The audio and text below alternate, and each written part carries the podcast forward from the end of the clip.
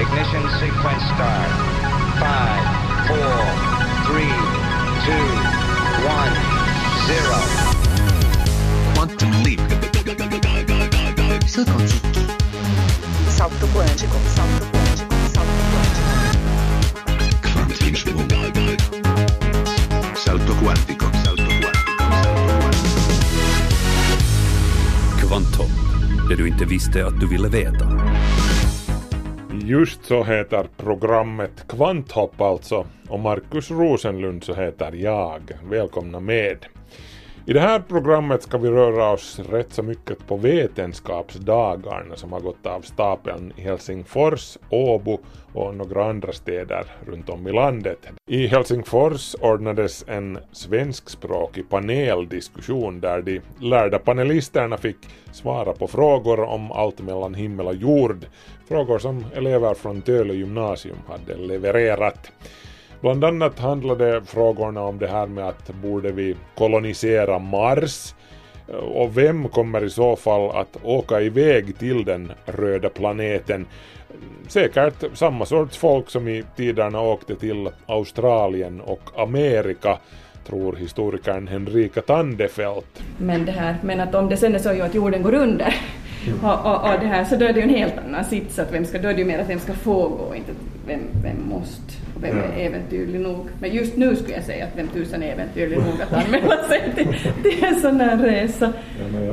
I samband med Vetenskapsdagarna avslöjades det också att årets professor är professorn i marinbiologi vid Åbo Akademi Erik Bundsdorf. Grattis, säger också Kvanthopp. Så här ser han på varför man utnämner årets professor. Tanken är ju den att forskningen ska synas, alltså det faktum att det finns vetenskap och det görs vetenskap. Så den betydelsen har det att, att vi nu lyfter det faktum att man gör fri och oberoende forskning i Finland. Eh, Det, det är liksom symbolvärde i det. Erik Bundsdorf hör ni mera av senare i programmet. Notiserna är på kommande alldeles strax. Då avslöjar vi bland annat hur många barr det finns i en genomsnittlig julgran. Hur många gissar du på?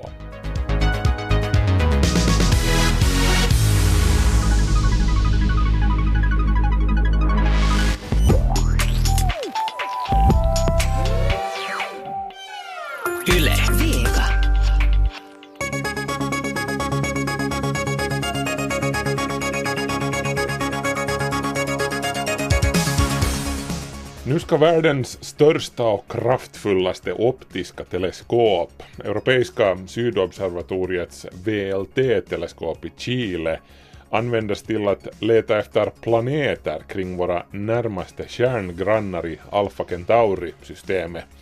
Det är en privat organisation vid namn Breakthrough Initiatives som ligger bakom det här initiativet. Och de kommer att finansiera en uppgradering av teleskopet som gör att det blir kapabelt att se betydligt skarpare på infraröda våglängder, vilket är ett måste i de här sammanhangen. I gengäld så bjuder ESO på de nödvändiga observationstimmarna med VLT.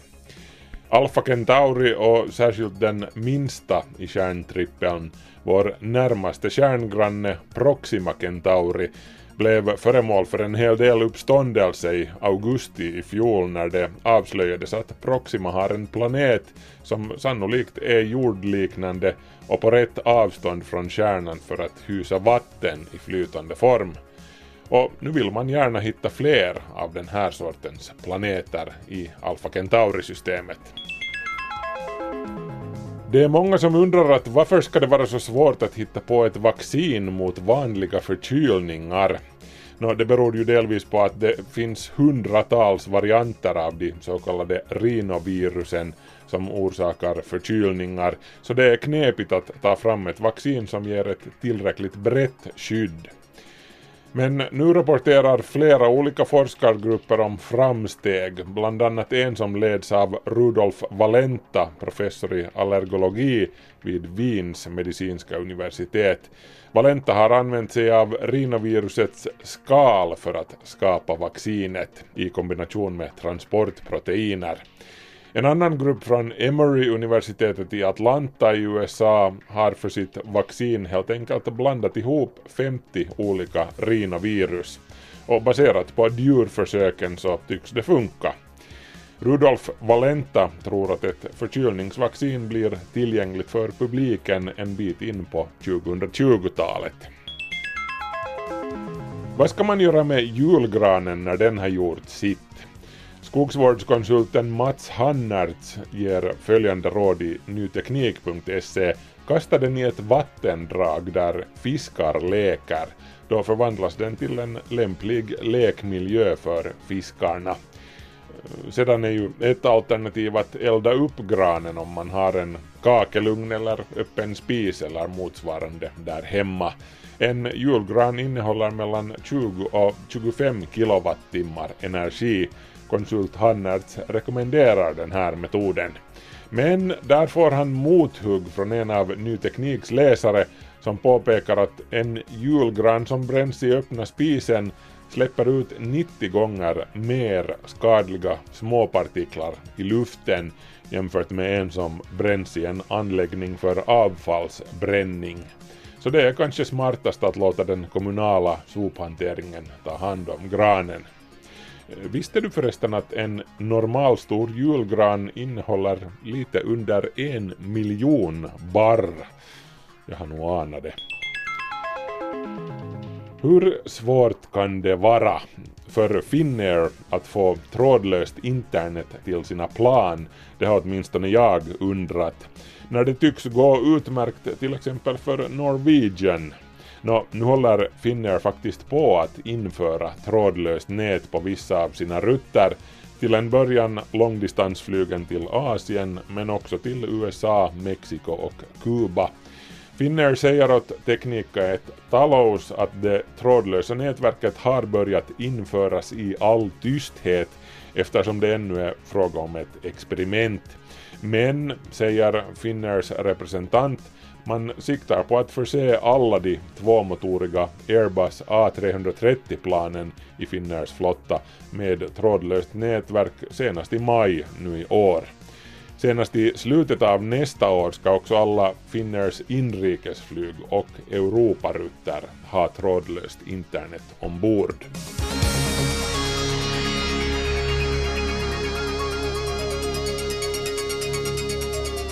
Kvanthopp, det du inte visste att du ville veta. Dags nu att gå iväg till Helsingfors universitets huvudbyggnad. Där ordnades den här veckan Vetenskapsdagarna 2017. Det mest omfattande vetenskapsevenemanget i Finland som är riktat till en bred publik och som är avgiftsfritt och öppet för alla. Till evenemanget hör föreläsningar, debatter, seminarier, utställningar och planetarieföreställningar och publiken är hela tiden välkommen att ställa frågor och komma med synpunkter. Vetenskapsdagarna har också svenskspråkigt program, bland annat en paneldiskussion med namnet Goda och dåliga vetenskapsnyheter. Och det var faktiskt undertecknad som ledde den diskussionen. Eh, vi ska nu få höra ett urval av det som snackades där. Panelisterna var biträdande professor Susanna Fagerholm med cell och molekylärbiologi som sin specialitet, professor Per Mikvits från Finlands miljöcentral Syke, han forskar i miljöpolitik, docent Henrika Tandefelt som är historiker och universitetslektor Mikael En som är fysiker med atmosfärisk fysik som specialitet. Eftersom temat för årets vetenskapsdagar var frihetens gränser så måste jag fråga panelisterna hur fria de känner sig i dagens Finland ur en akademisk synvinkel. Det blåser ju snåla vindar kring vetenskapen i vårt land just nu och många oroar sig för en regelrätt hjärnflykt där unga smarta människor väljer att söka sig till något annat land där deras talanger uppskattas bättre. Susanna Fagerholm bekräftar att det här inte är bara farhågor, det är redan verklighet. Jag håller nog definitivt med om att det håller på att ske en sån här hjärnflykt. Det ser jag på mitt område till exempel, att det är många framstående forskare som faktiskt nu flyttar utomlands och börjar forska, forska i ett klimat där, där kanske samhället är mer positivt inställt till forskningen än man kanske är här för tillfället. Ehm, men jag hoppas att vi alla kan se framåt och, och, och det där, hoppas att, att klimatet börjar förändra sig här också. Mm. Och det där, att vi går mot, mot bättre tider och vi hoppas vi kanske vid Helsingfors universitet också kan lämna nu de här riktigt värsta tiderna bakom oss och, och, och försöka bygga upp någonting, någonting bättre mm. i framtiden. Per Mikvits, vad säger du? Det här med frihet och forskning är en jättesvår fråga.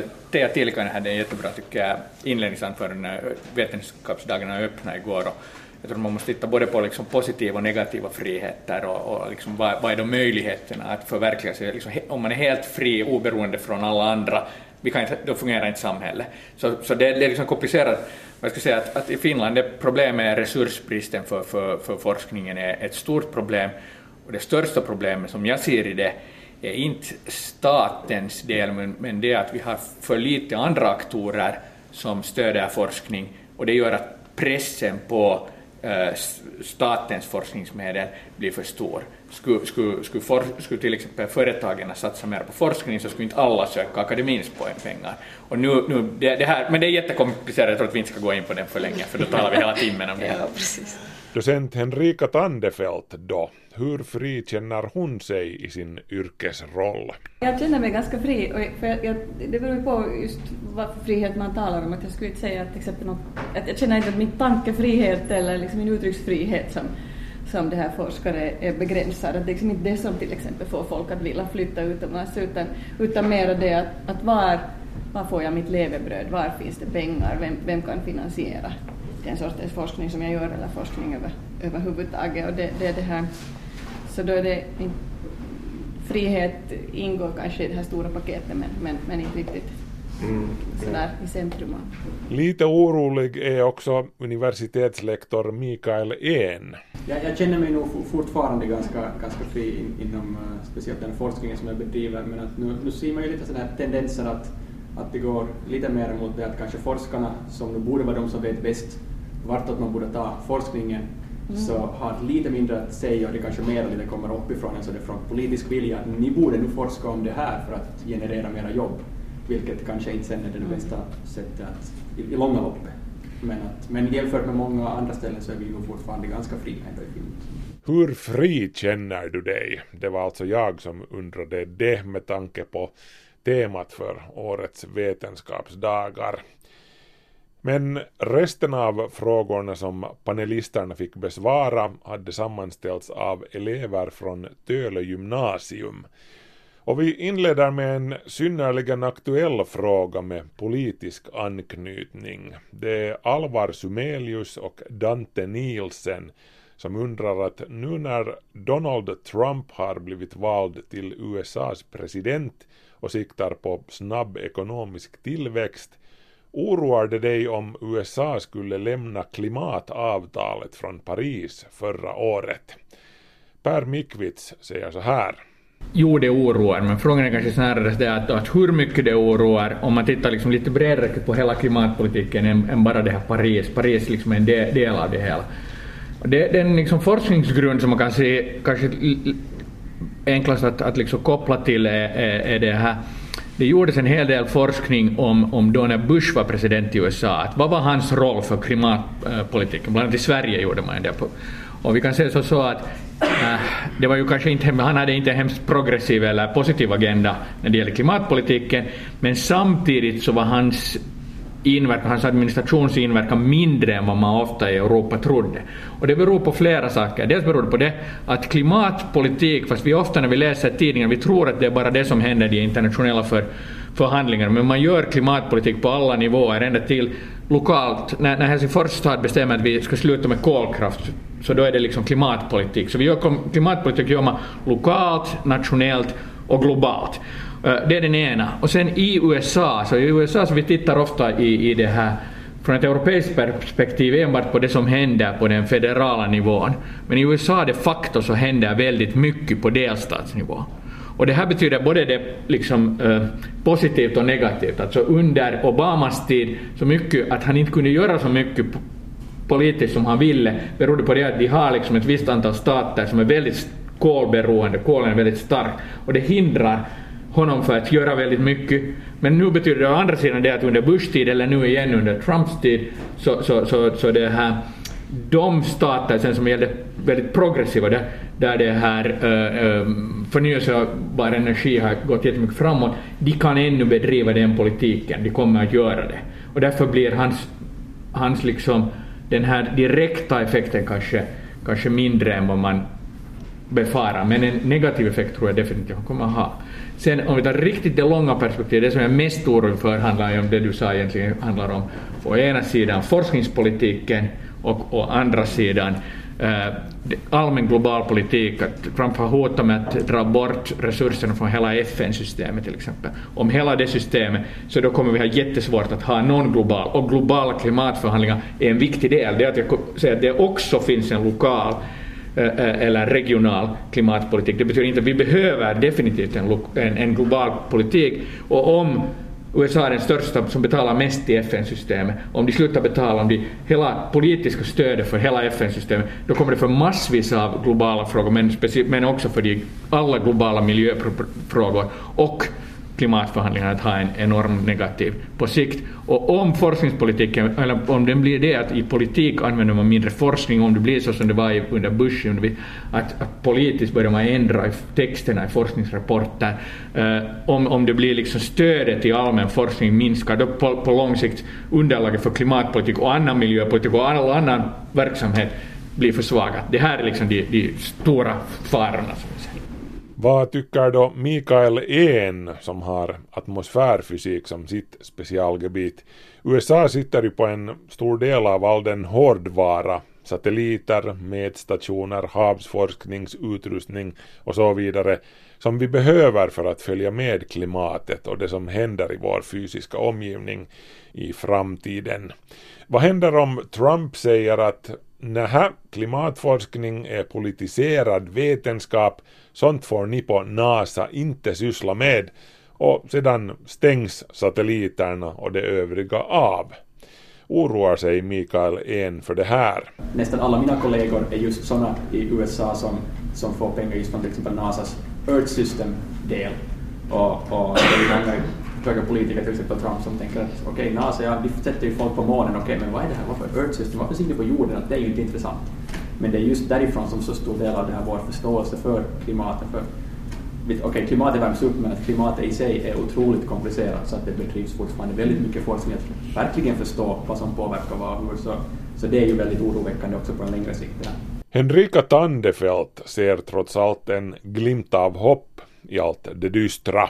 Det som jag jag tänkte här med, med Pers första kommentar var, var det här hur viktigt det är att komma ihåg just att det inte bara är de här stora eh, enskilda aktörerna som en, en, en, president i USA utan att, utan att det finns de här administrationer och byråkratiska system. Och hur, hur viktiga de är och hur tacksamma vi ska vara för att de finns fast det ibland också är så här att åh vad jobbigt, jobbig byråkrati som, som hindrar oss från att liksom förverkliga oss. Men att hur de, de, de faktiskt är ofta jätteviktiga och bra bra strukturer. Och det är ju sånt som man som historiker sen också behöver komma ihåg när man tittar bakåt i tiden, att inte bara kolla på de där stora gestalterna och vad sa de, utan, utan jättemycket viktigt händer där i den där byråkratin eller det där eh, längre ner i hierarkierna och, och så vidare. Så det var sådär som något lite hoppfullt och gott i, i, din kommentar här, att det är liksom inte allt bara livsfarligt och, och, och, och vi behöver inte ändå liksom vara helt säkra på att allt går åt skogen nu, utan,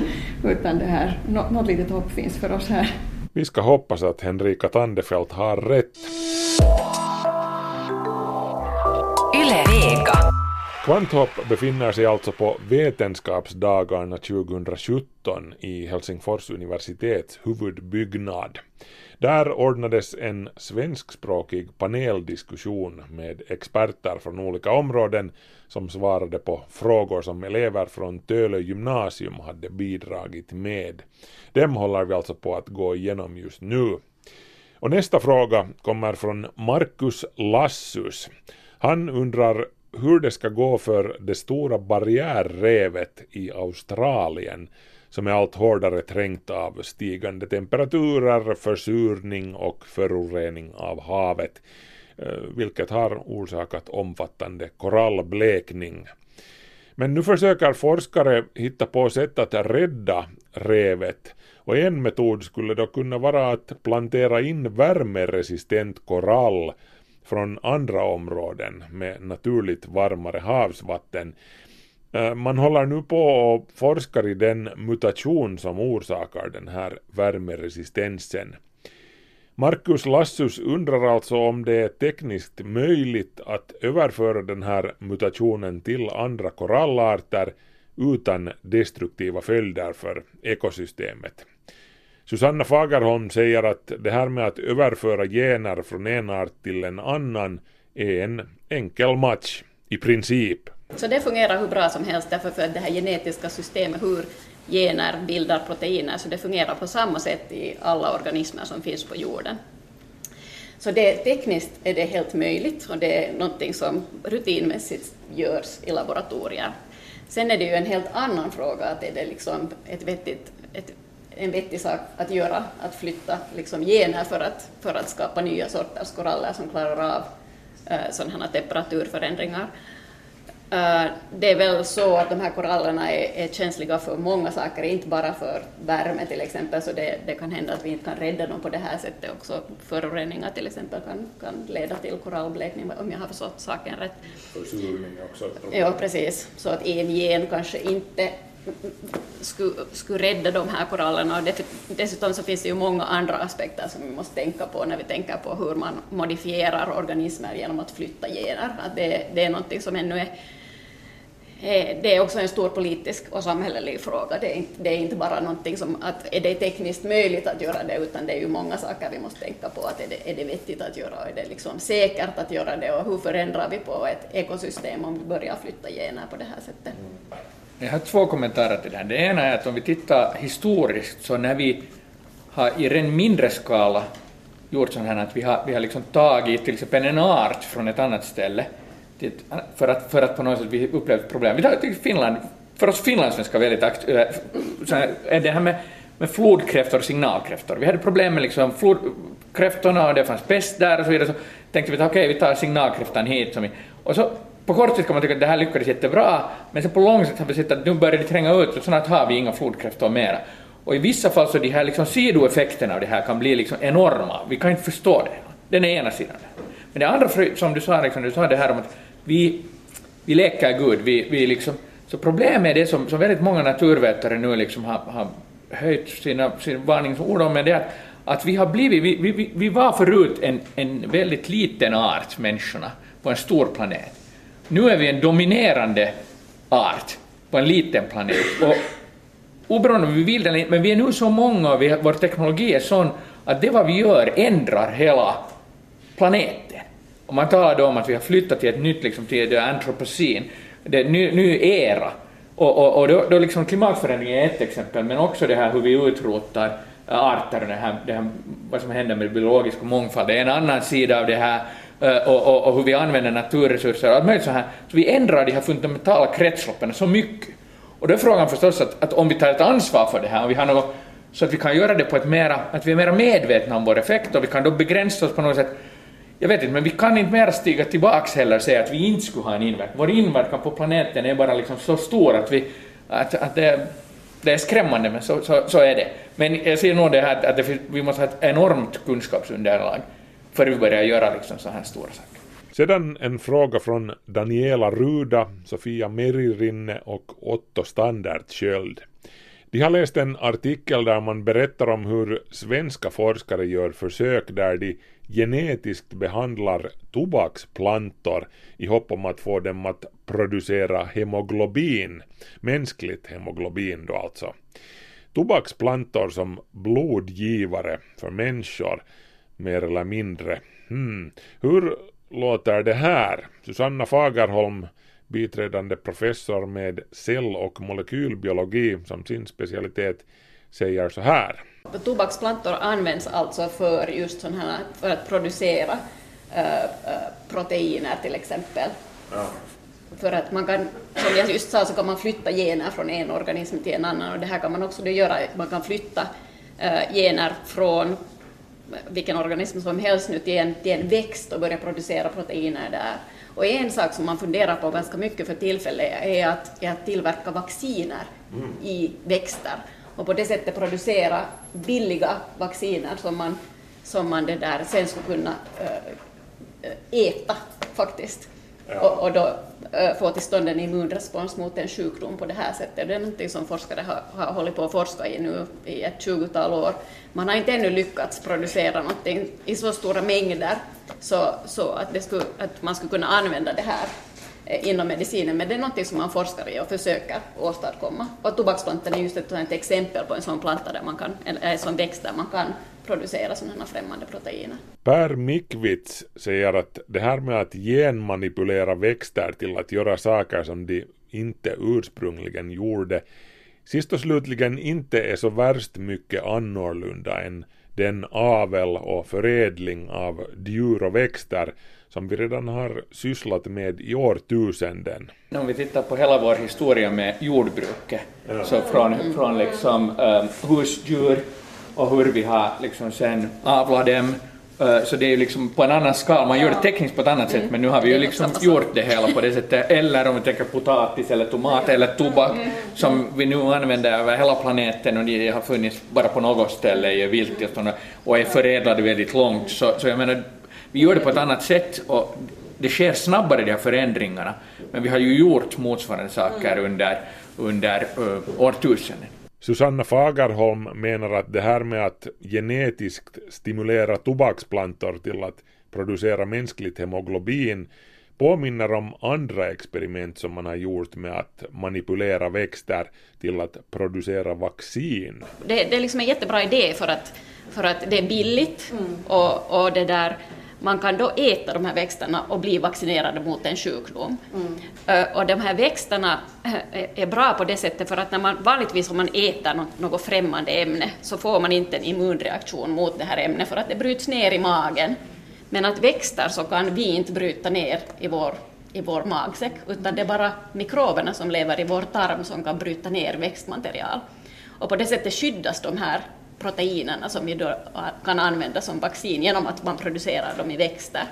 Och problemet nu för tillfället är det att bara att vi måste producera de här, de här proteinerna på tillräckligt hög nivå så att vi ska få en immunreaktion i, i kroppen. Så jag tror nog att det är något som kommer att komma.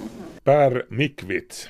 Jag ska kommentera det här med sidoeffekter av det här. Man kan ju tänka att om vi börjar odla något nyttigt i tobaksväxter så då stiger priset på tobak så mycket att rökningen minskar ännu mer. Men sen om det är vaccin och vi måste tugga de här växterna som du sa så då blir det liksom tuggtobak och vad blir de negativa hälsoeffekterna? Kanske något annat skulle vara för det bättre än tobak. Man kan göra det i sallad till ja, exempel så det, det, är säkert ett bättre, ett bättre alternativ.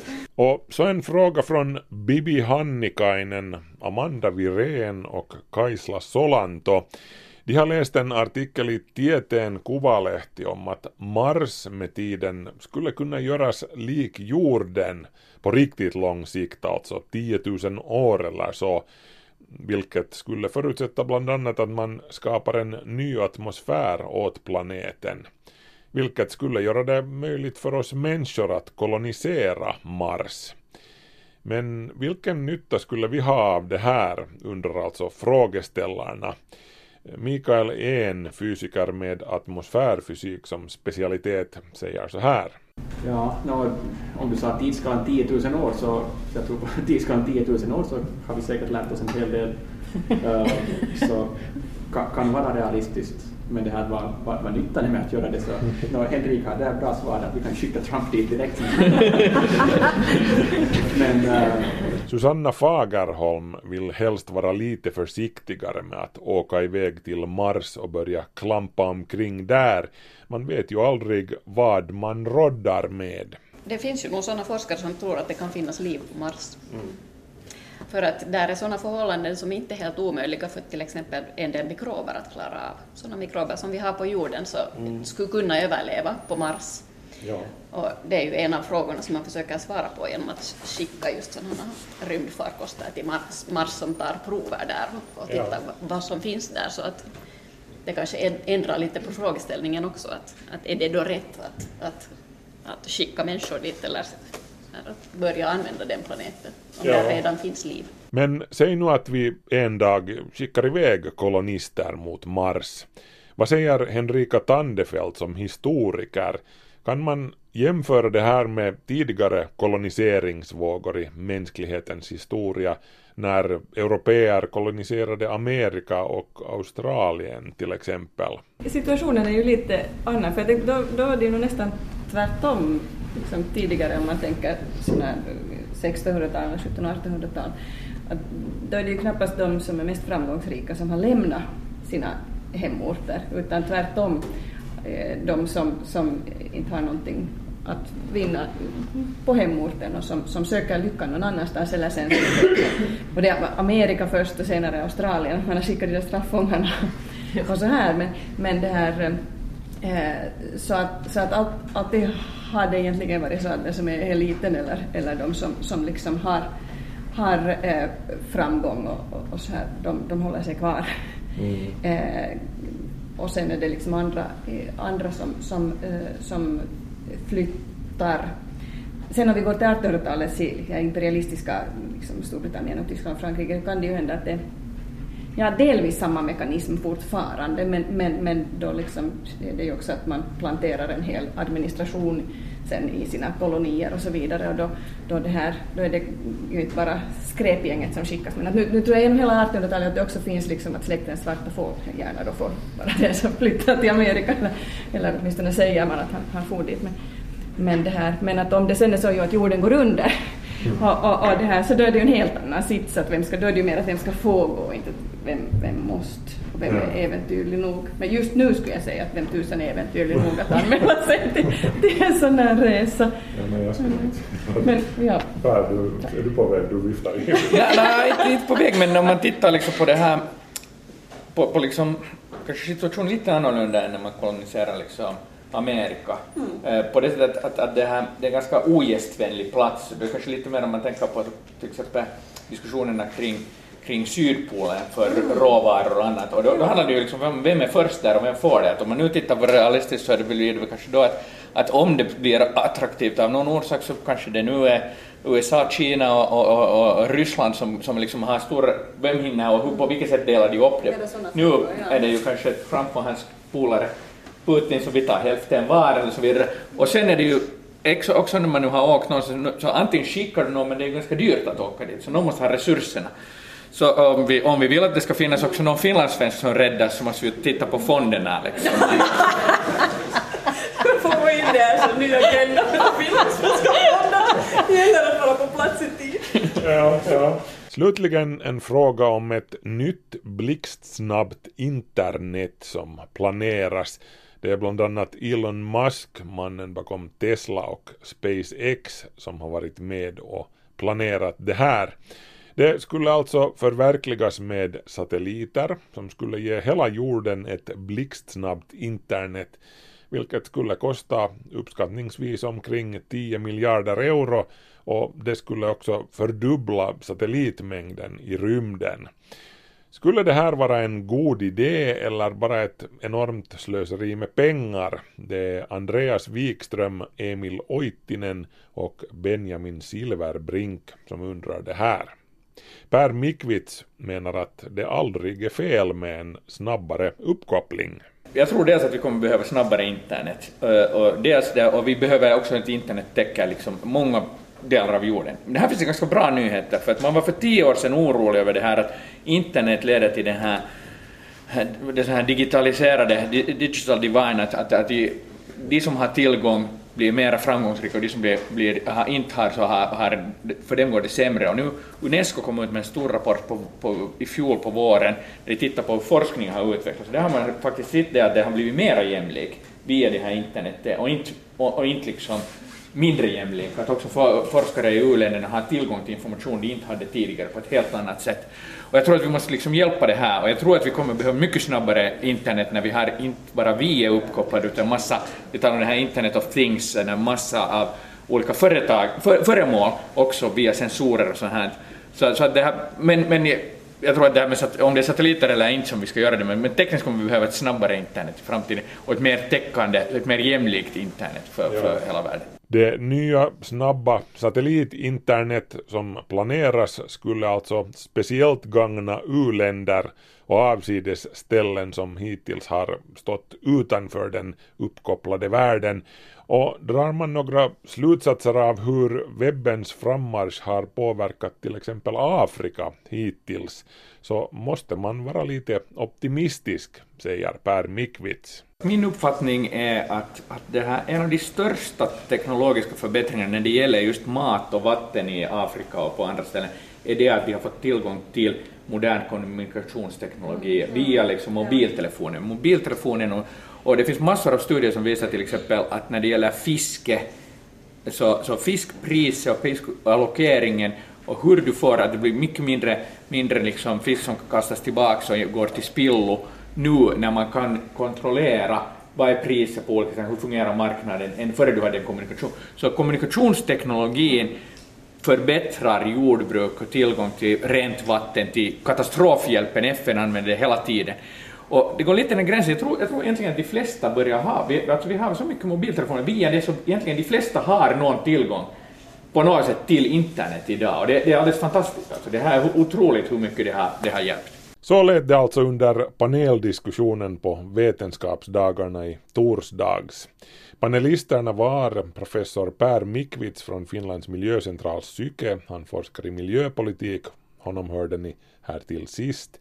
De övriga var biträdande professor Susanna Fagerholm med cell och molekylbiologi som sin specialitet, docent Henrika Tandefelt som är historiker och universitetslektor Mikael En. Han är fysiker med atmosfärisk fysik som sin specialitet. På fredagen i samband med vetenskapsdagarna blev det klart att professorn i marinbiologi vid Åbo Akademi, Erik Bunsdorf, har valts till årets professor. Bunsdorf är säkert ett bekant namn för många. Han har i många år talat för Östersjön och vad vi borde göra för att få våra sjöområden att må bättre. Det är professorsförbundet som årligen väljer årets professor och nu då Finland fyller 100 år så är det ju roligt att den här utmärkelsen tillfaller ett litet svenskspråkigt universitet. Vi träffade Bunsdorf för att höra hans tankar kring utnämningen. Eh, det är alltid roligt, eller egentligen det roligaste är ju när ens eget fack eh, visar uppskattning. Så det är faktiskt skoj. Nu ser jag det som en jättestor erkänsla för att jag och vi, alltså min, mitt team inom mitt ämne marinbiologi har gjort någonting rätt också genom åren. Om jag förstår rätt så är det mm, cirka 30 år sedan som Åbo Akademi senast har fått den här utmärkelsen. Så, mm. så hur viktigt är det för, för Åbo Akademi? No, ja, jag tror och hoppas att det är viktigt för Åbo Akademi. Det är faktiskt så att Åbo Akademi hade, hade årets professor 1984 när Kirsti Lagerspets, professor, dåvarande professor i psykologi, hade det. Och sen dess har, har det gått runt i olika universitet i Finland men aldrig fallit på Åbo och nu gjorde det det. Så det är skoj. Vad har det för, för betydelse då för, för dig som professor men också för universitetet? Att man ger sådana utmärkelser? No, överhuvudtaget alltså så vill ju i det här fallet det professorsförbundet i Finland som utser en av sina medlemmar till, till årets professor. Och jag, tanken är ju den att forskningen ska synas. Alltså det faktum att det finns vetenskap och det görs vetenskap. Så den betydelsen har det att, att vi nu lyfter det faktum att man gör fri och oberoende forskning i Finland. Eh, det, det är liksom symbolvärde i det. Och, och för Åbo Akademi är det naturligtvis tycker jag jätteroligt alltså att, att en svenskspråkig professor, i ett, i, särskilt i det samhällsklimat vi har idag, så tycker jag det är extra roligt att en miljöforskare vid ett litet universitet på svenska i Finland kan bli vården professor i Finland. Och det jag menar med det är ju att, att den nuvarande regeringsmakten ju definitivt inte har visat sig särskilt intresserad av, av eh, vetenskapens väl och ve. Det är klart, ställer du samma fråga till dem kommer de att säga jo men visst satsar vi. Men att eh, de har ju bedrivit en ekonomisk politik som inte är särskilt välvilligt inställd till, till universitetsväsendet, högskoleväsendet. Och jag tycker det är jätte, jätteviktigt alltså att samhället lyssnar på vetenskapen. Inte så att vetenskapen fattar beslut för samhället, utan så att de lyssnar på vad vi har att säga och sen fattar beslut på basen av det vi har gjort. Det är trots allt samhället som betalar för vår vetenskap. Är din uppfattning det att man kanske då inte på samma sätt eh, värdesätter mera vetenskapen och, och, och den forskning som bedrivs? Ja, det där är ju det är klart att, så att alla människor vill upp, uppleva att man är värdesatt och uppskattad och så vidare bortåt. Det handlar liksom inte egentligen om det, utan det är det att om ett land som Finland har råd och Finland har råd att ha ett vetenskapssamfund, att ha en högre utbildning. Om man sen väljer att låta bli att lyssna på dem så är det ju att skjuta sig själv i foten. Och jag tycker alltså att, så att inom vissa branscher, i vissa sammanhang så visst lyssnar samhället på forskarna. Men man lyssnar kanske mera där man får de svar man vill ha, mera liksom än på den oberoende forskningen. Det är alltså oerhört viktigt att vi får göra forskning där vi inte vet vad resultaten blir och där vi inte från början kan säga att samhället kommer att ha nyttan av detta i det och det sammanhanget, då är det inte vetenskap, då är det utredning, inte sant? Och det behövs också. Så att jag, jag ser det liksom som jätteviktigt att ett välfärdssamhälle, eh, egentligen vilket samhälle som helst, bygger sin framtid på att det finns god vetenskap i bakgrunden. Om du ser på det, det som du, du forskar kring, marinbiologi och Östersjö, Östersjön har ju varit länge ett samtalsämne om du talar om just det här att vetenskapens roll där och, och påminna om att hur vi ska leva för att sjön ska må bra. Så hur ser du på den utvecklingen? Tar man det på, mer på allvar än tidigare? Både jo och nej. Alltså det är klart, det gör man. För 20 år sedan eller 25 år sedan så ville man knappt höra talas om övergödning som problem eller rovfiske som problem eller utrotning av arter som problem. Problemet idag är väl det att vi ser problematiken på ett helt annat sätt än förut. Idag inriktar sig vetenskapen nog på att inte se enbart på övergödning eller enbart på rovfiske eller någonting annat utan vi måste se det som ett helt komplex. Så att jag tror att det har blivit svårare för den individuella eh, beslutsfattarna beslutsfattaren att, att förstå vad det handlar om. Klimatförändringen är en sån grej som plötsligt ligger som ett lock på alltihopa och där vi vet att, att förändringarna kommer att bli annorlunda än de vi har förutspått tidigare. Så att samhället lyssnar å ena sidan, vi är mycket, mycket, mycket mer medvetna om problematiken och det är klart att vi är det därför att det har blivit så dåligt som det har blivit. Man kan säga att hade vetenskapen hade man fått sin röst hörd för 30 år sedan så hade vi kanske inte behövt föra den diskussionen idag.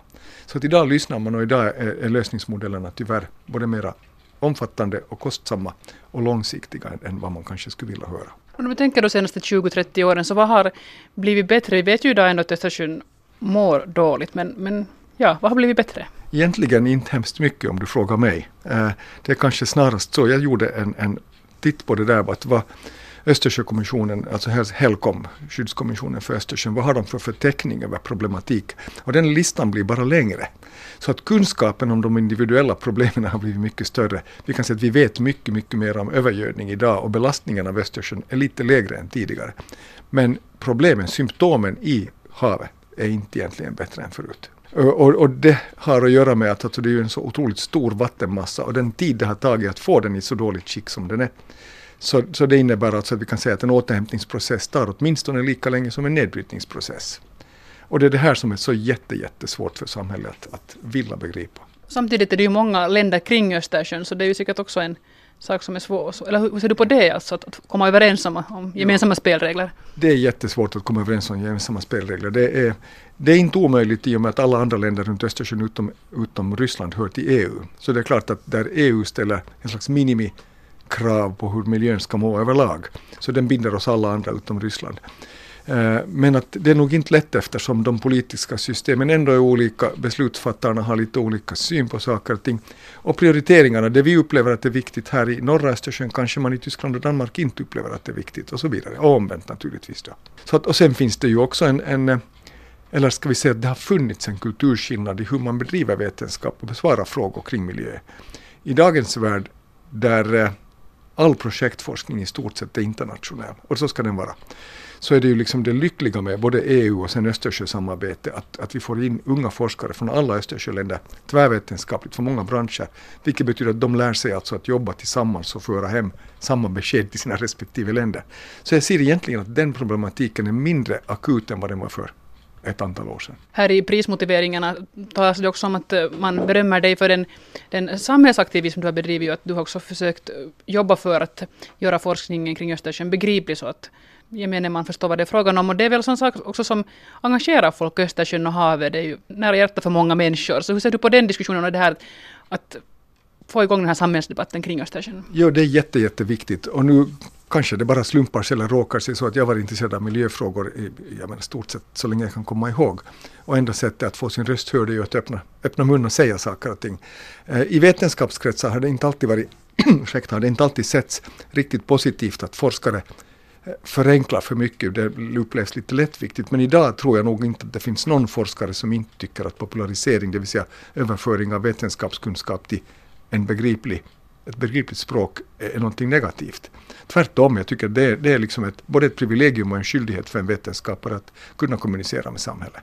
Problemet är väl snarast det, då, alltså det, det omvända, är att om någon vill lyssna.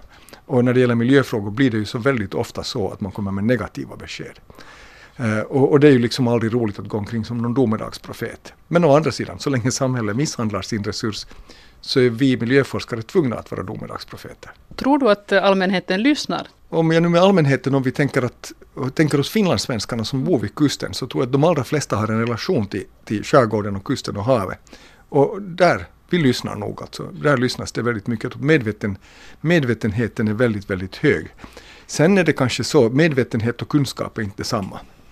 Eh, och, och, man, det är ju gärna vi och dem på det sättet att ja, men vi gör väl ingenting dåligt utan de någon annanstans kring Östersjön. Eller eh, om vi så vill, ett problem, typ övergödningen av vår skärgård. Men om jag samtidigt som forskare säger att klimatförändringen kommer att eh, vara kanske ännu viktigare, så blir det lätt att säga men då får vi ju vänta och se. Det ska vi absolut inte göra, alltså vi ska agera och reagera konsekvent och konstant också i, i vår närmiljö. Det sade professor Erik Bunsdorf, professor i marinbiologi vid Åbo Akademi. Nora Engström intervjuade.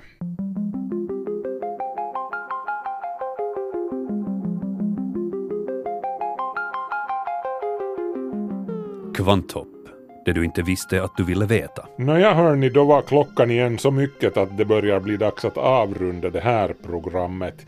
Markus Rosenlund heter jag. Ha det bra, hej så länge.